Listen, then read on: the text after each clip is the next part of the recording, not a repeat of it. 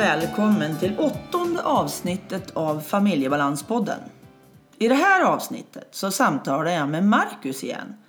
Och vi pratar om tvångssyndrom och hur han har haft det under åren som gått. Och med den här podden så vill jag öka kunskapen och förståelsen för både individ och familj där det finns neuropsykiatriska funktionsnedsättningar eller funktionsvariationer. Jag vill berätta hur det kan vara att leva med NPF, både som förälder, syskon och leva med egen diagnos, som för Marcus del. Jag kommer att samtala med, som idag, då Marcus och eh, hans syster Martina, men hon kommer i ett annat avsnitt, deras pappa Anders. Och sen blir det en himla massa andra människor då med olika insikter och kunskaper i ämnet. Eh, och jag kommer ju ta upp sånt som eh, vi har stött på under barnens uppväxt och hur det är hos oss idag när vi har vuxna barn. Ann-Katrin Aureliusson heter jag som driver den här podden och jag är mamma till då två barn med diagnoser inom MPF.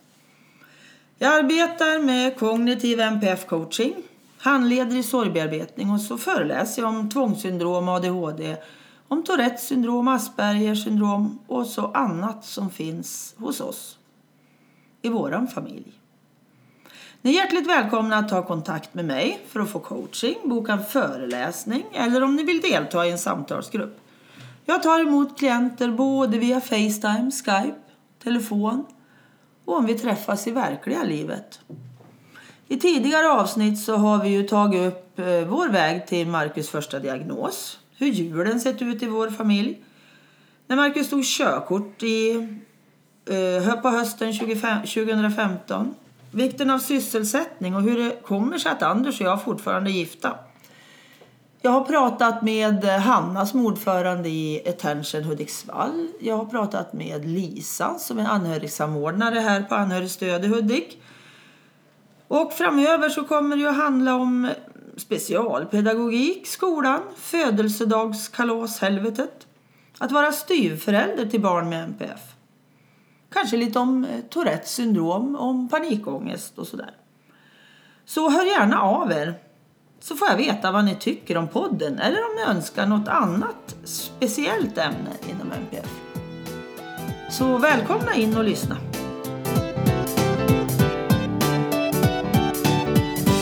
Hej Marcus!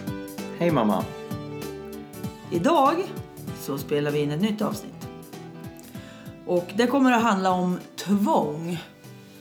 Mm. OCD. Vad står OCD för? Obsessive compulsive disorder på engelska. Då. Mm. Och det handlar ju om ett tvångssyndrom. Mm. Och det har du som... Eh, det har du med bland dina diagnoser. Yep. Hur eh, upplever du det själv, just att ha ett tvångssyndrom? Skulle du kunna förklara det på något vis? Att andra människor kan sätta sig in i lite grann i alla fall. Hur upplevelsen för den som har det kan vara. Ja, för det första så är det ju en diagnos som fortfarande är väldigt skämmig, mm. tycker jag. För många diagnoser kommer väldigt långt och anses mer accepterade inom citationstecken. Men tvångssyndrom är en diagnos som fortfarande är väldigt skämmig och det känns väldigt jobbigt att prata om det med folk. Och så. Människor som inte vet vad det handlar om och förstår? Eller? Ja, ja precis. Ja. Men brukar du berätta för någon att du har tvångssyndrom? Ja, inte så ofta.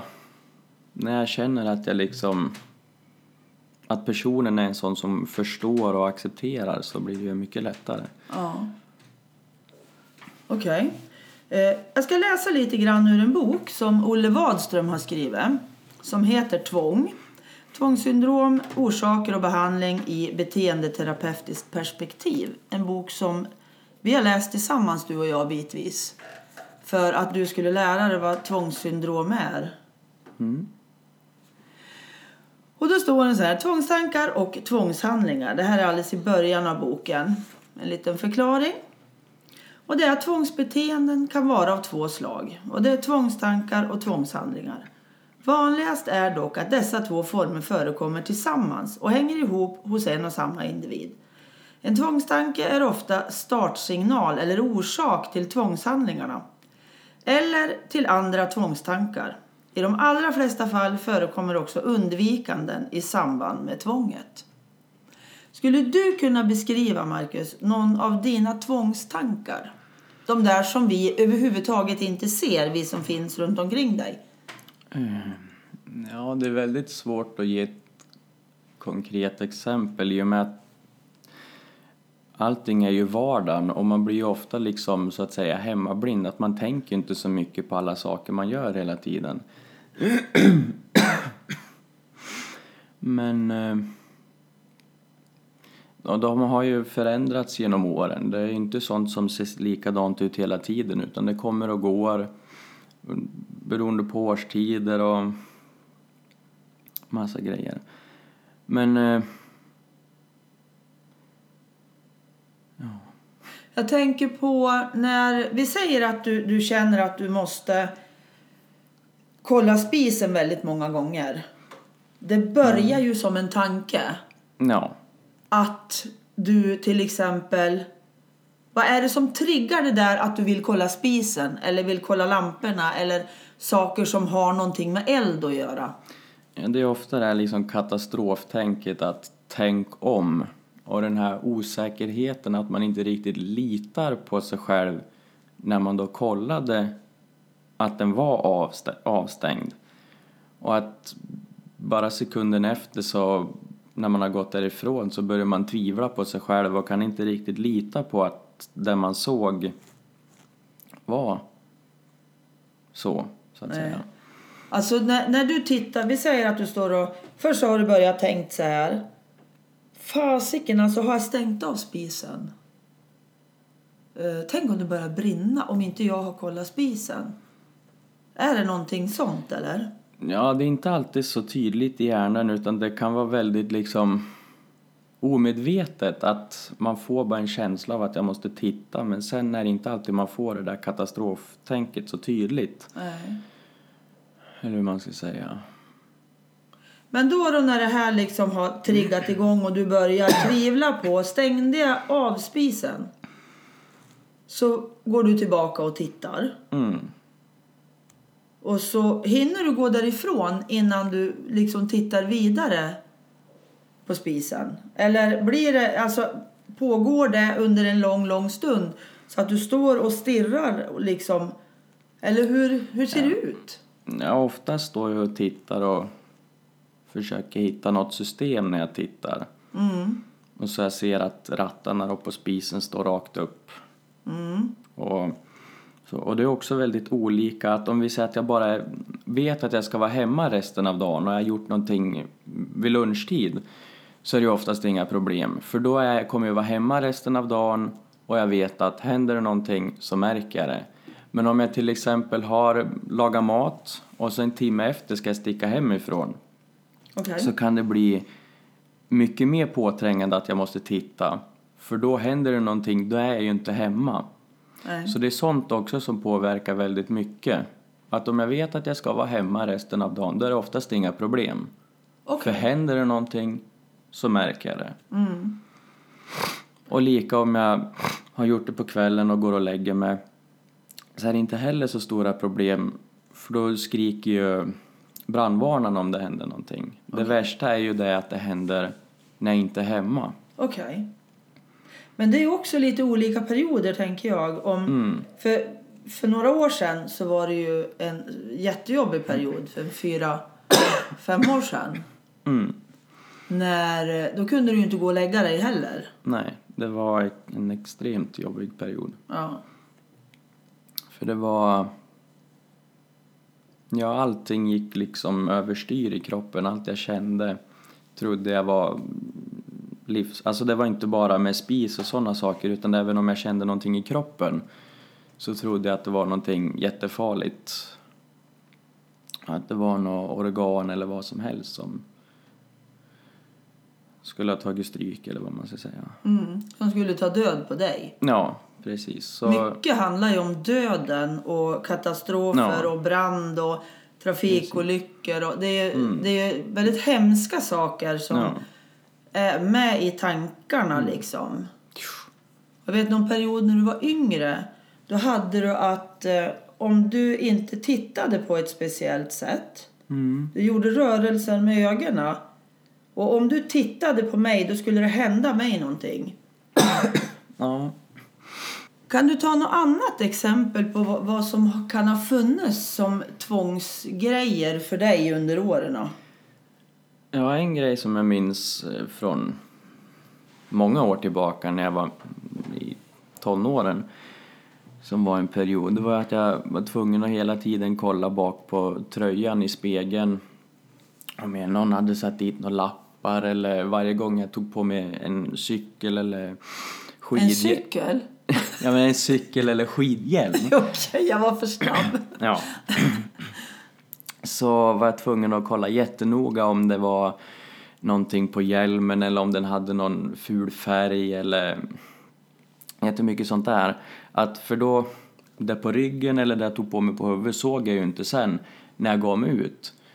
Så då var jag jättetvungen, eller jätte, Noga. ja, och titta innan jag gick ut, titta i spegeln så att det verkligen var. Och lika om jag tog på mig hjälmen åt rätt håll så att jag inte hade satt den bak och fram för då skulle det bli en jättekatastrof om någon skulle påpeka det och jag trodde att jag liksom skulle vara en, en stor idiot som lyckades med någon sån grej. Och det var ju inte att du stod liksom en minut till framför spegeln. Nej. Utan det var ju ganska många minuter. Mm. Ibland var det ju svårt att få med dig ut Ja. Genom dörren för att du ville stå framför spegeln och kolla och kolla och kolla. Det var ju många gånger liksom. Och det är ju sådana saker som då till slut gör att jag, då vill jag inte göra vissa saker. Då vill jag kanske inte åka, åka snowboard eller ut och cykla. Eller sådana saker att då blir det att man undviker dem för att man vet att det blir för jobbigt till slut. Processen att komma ut var övermäktig för dig. Precis. För ibland vet jag då när du stod framför spegeln och jag skulle skjutsa dig till skolan till exempel. Till slut så gick ju jag bara och föste dig framför mig så att du liksom åkte med ut genom dörren. Även fast vi var lika stora ungefär. Men för att du klarade inte av att bryta Mm. de här mönstren själv. De här tvångshandlingarna var så starka. För att tvångshandlingarna är ju ett sätt att dämpa den ångest man känner över att något ska hända eller att man har de här lapparna på kläderna eller vad det var. Mm. Och före det då, innan du åkte eh, moped och så, hade mopedhjälmen, då var, när du var yngre, då frågade du alltid Är det min tröja det här? Är det, är det mina byxor det här? När du skulle klä på dig. Ja, Fast du då hade tagit dem ur din garderob. precis. Och det hänger även kvar idag ibland. Som när jag ska köpa kläder att jag måste vara säker att jag är på rätt avdelning, alltså killavdelningen även fast jag inte har någonting emot. Tjejkläderna. Ja, men ändå liksom blir det en sån här att jag måste göra mig säker och fråga er ibland och Mm. Och det vet jag du har frågat väldigt många gånger. Men är det inte en damtröja det här då? mm, Sådär. Och det är ju en jättejobbig känsla för dig. Fast jag kanske tycker att det var väl skitsamma om det är tjej eller killkläder. Men för dig handlar det inte om att det ska vara tjej eller killkläder. nej. För dig är det ju ett tvång. Mm, Och jag har ju alltid ställt bara frågorna tillbaka. mm, Jag har ju all, alltid, genom att jag läste på ganska tidigt om vad tvång var. Så vi har ju inte spelat med dig, Nej. så att säga. Vi har aldrig bekräftat ditt tvång och sagt jo Marcus, det är dina kläder.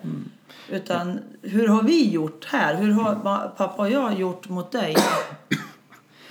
Och det är ju någonting därav KBT som det kallas.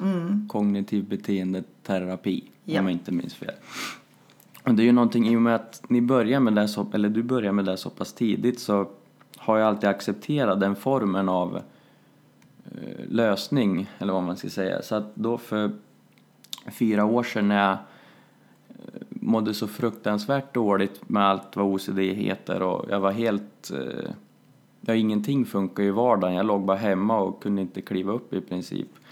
Men till slut så kom jag ju till en KBT, alltså så jag fick professionell hjälp.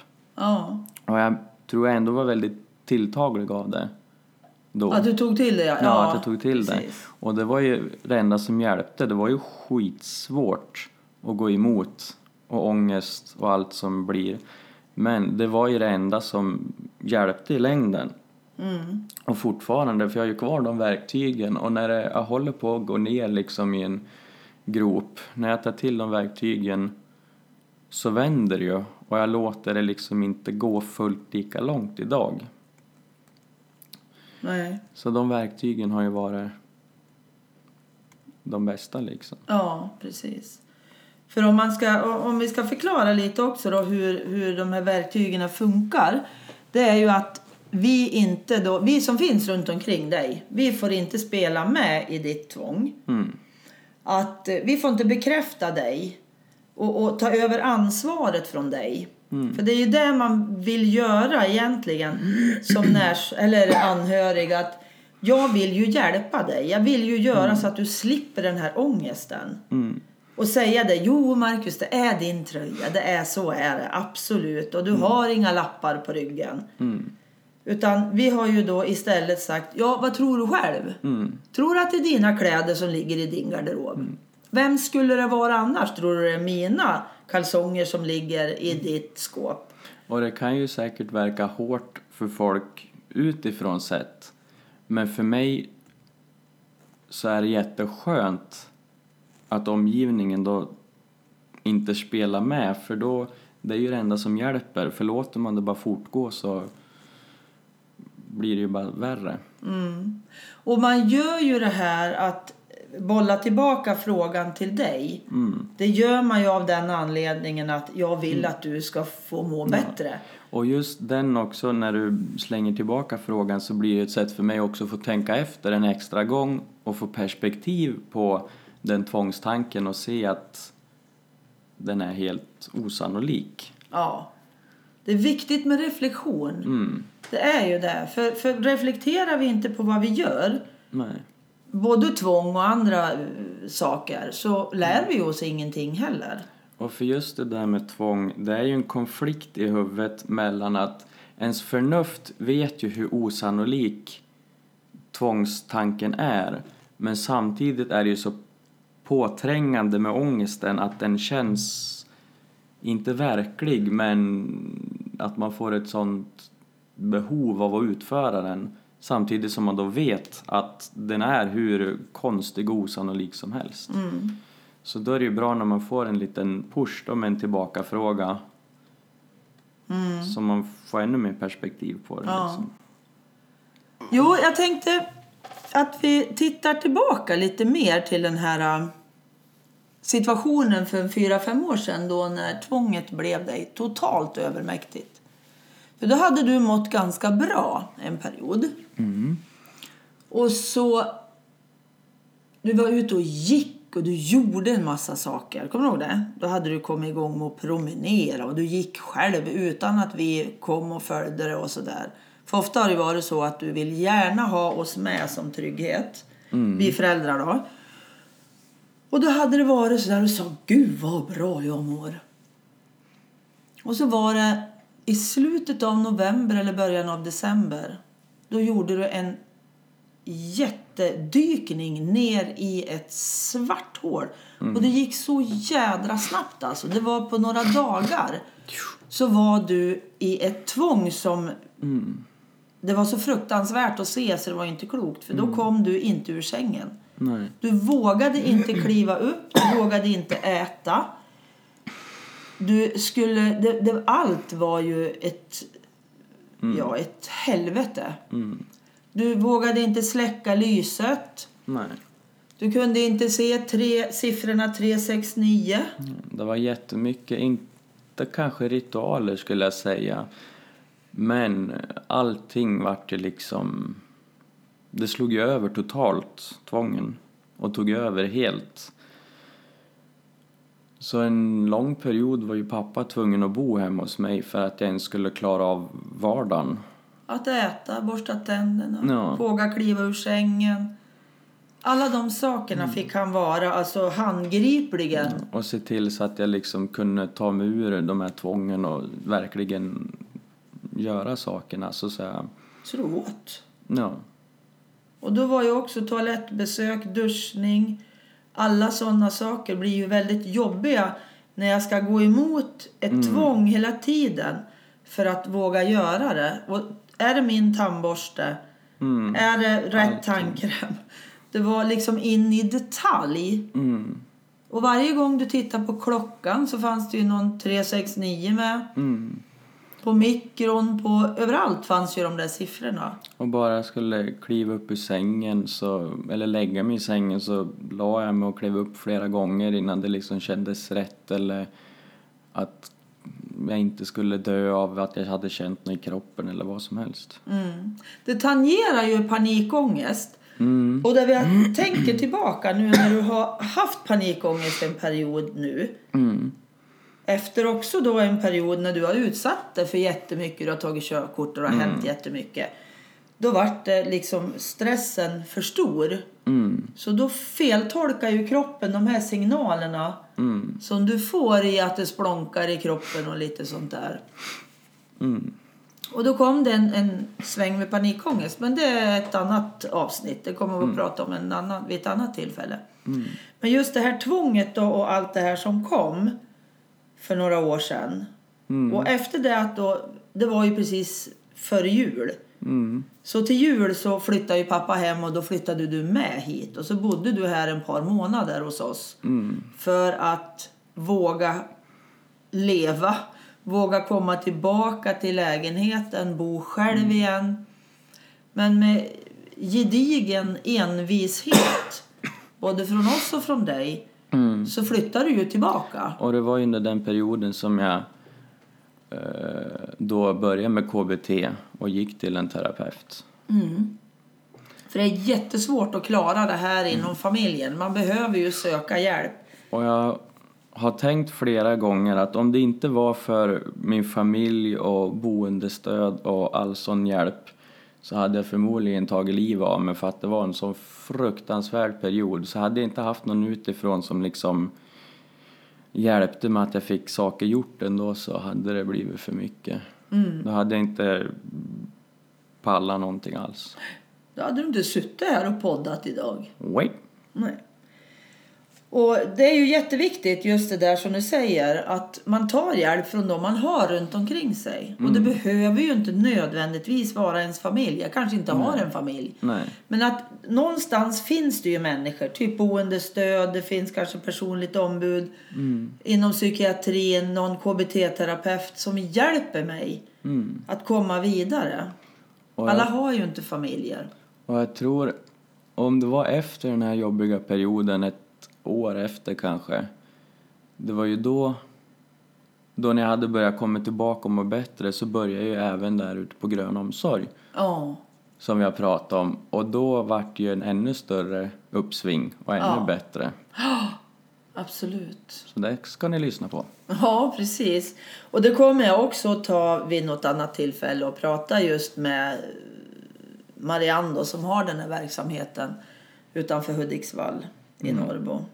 Och prata just om grön omsorg och vara mer noggrant än vad vi har pratat om det. Mm. Men just det här att ha någonting att gå till, att inte bara sitta hemma. För då snurrar ju allting bara runt, runt, runt sitt tvång alltså. Ja. Det blir alldeles för, för mycket tankar i det. Jag får inte tillfälle att bli avledd, för man behöver avledning. Att liksom se att jag gör något, det händer någonting annat. Och sen har du ju ätit, jag tänkte om vi skulle prata några ord runt mediciner. För för dig har ju Cipralex eller Citalopram då som är en stämningshöjande, ett SSRI-preparat. Eh, Det har ju hjälpt dig till en del, för det äter du även för både för dina tics, Mm. som ni kanske hör lite ibland, att du hostar till och lite sånt där. Och det hör ju till din Tourette. Ja. Och det är ju sånt som, du har ju haft det under många, många år. Ända sedan du var i typ sju, åt, ja kanske ännu tidigare än före Mm. sjuårsåldern. Och det har inte alltid varit hostningar utan den kom i alla möjliga former och skepnader. Ja. Men den är inte lika ångestladdad, ticserna, som tvånget är. Nej, inte på samma sätt i alla fall. Nej. Fast Men det är en annan Det är en historia. annan historia, precis. Men just den här äh, stämningshöjande då, som du äter, eller SSRI-preparat och som det heter, det är ju en, har ju hjälpt en del. Men det som tror jag hjälper allra mest, det är ju kognitiv beteendeterapi. Mm. Det är den som har gjort att jag liksom har eh, kommit tillbaka och fått ett värdigt liv liksom mer hållbart och med verktygen som man kan eh, rädda sig från den djupa gropen. Ja, för verktygen blir dina. Mm. Det är du som behöver lära dig hur du ska... Först och främst så tänker jag att, att lära sig vad tvångssyndrom är, om jag nu har tvångssyndrom eller finns i familjen där det finns tvångssyndrom. Att verkligen gå in i lära sig, läsa allt som finns om det, om det och förstå vad det innebär. Och även titta på de här ångestkurvorna och lära sig att förstå att jag kommer aldrig dö av ångest. Det är för jävligt att ha ångest och jag tror inte att jag ska överleva. Men just det kommer jag inte att dö av. Och ju mer jag utsätter mig så blir det ju också att ångesten faller av. Mm. Och till slut så är den så hanterbar så att jag tänker att nej men hur kunde jag må så dåligt tidigare Mm. av det? Ja, för det är också en grej efteråt när eh, en sak som har varit jobbig inte är jobbig längre så kan, man, kan jag titta tillbaka och se att hur fan kunde det där vara jobbigt liksom? Det var ju ingenting. Och så, så att det är just i den här tunga perioden det är jobbigt men sen ser man ju att det var ju inte alls liksom farligt eller vad man ska Nej. säga. Och jag tänker på... Eh, idag så kan ju du känna att nu är det på väg. Nu bär jag iväg igen. Mm. Och så kan du ta till dina verktyg och börja jobba med dem igen mer intensivt. Mm. Och jag kan ju också se när det blir en värre period till exempel. Så får ju jag också då vara med och stå emot och hjälpa dig att stå emot. Och att inte bekräfta alla de här tvångerna. Men OCD är ju ett dolt, en dold funktionsnedsättning. Mm. Och den är ju fruktansvärt handikappande. Mm. Så att det är jätteviktigt, tänker jag, med all psykisk ohälsa då, som det faktiskt är att ha ett tvångssyndrom. Att våga prata om det. Att våga berätta det för den som då är som jag litar på. Jag behöver ju inte gå ut på stan och berätta det för vem som helst. va? Nej. Men att de som jag har omkring mig som är viktig för mig, där ska jag berätta. I en trygg miljö. Mm. För att annars kommer vi aldrig bli av med den här skamstämpeln som är. Så vi avrundar där tycker jag idag. Mm. Det är ett strålande väder i Hudiksvall idag och vi ska gå ut på en promenad. Mhm. Och eh, hoppas ni har det bra där ni är, där ni sitter och lyssnar. Och välkommen tillbaka till oss. Hej då Marcus! Hej då och tack så mycket för intervjun. Mm, tack ska du ha. Hej. Hej då!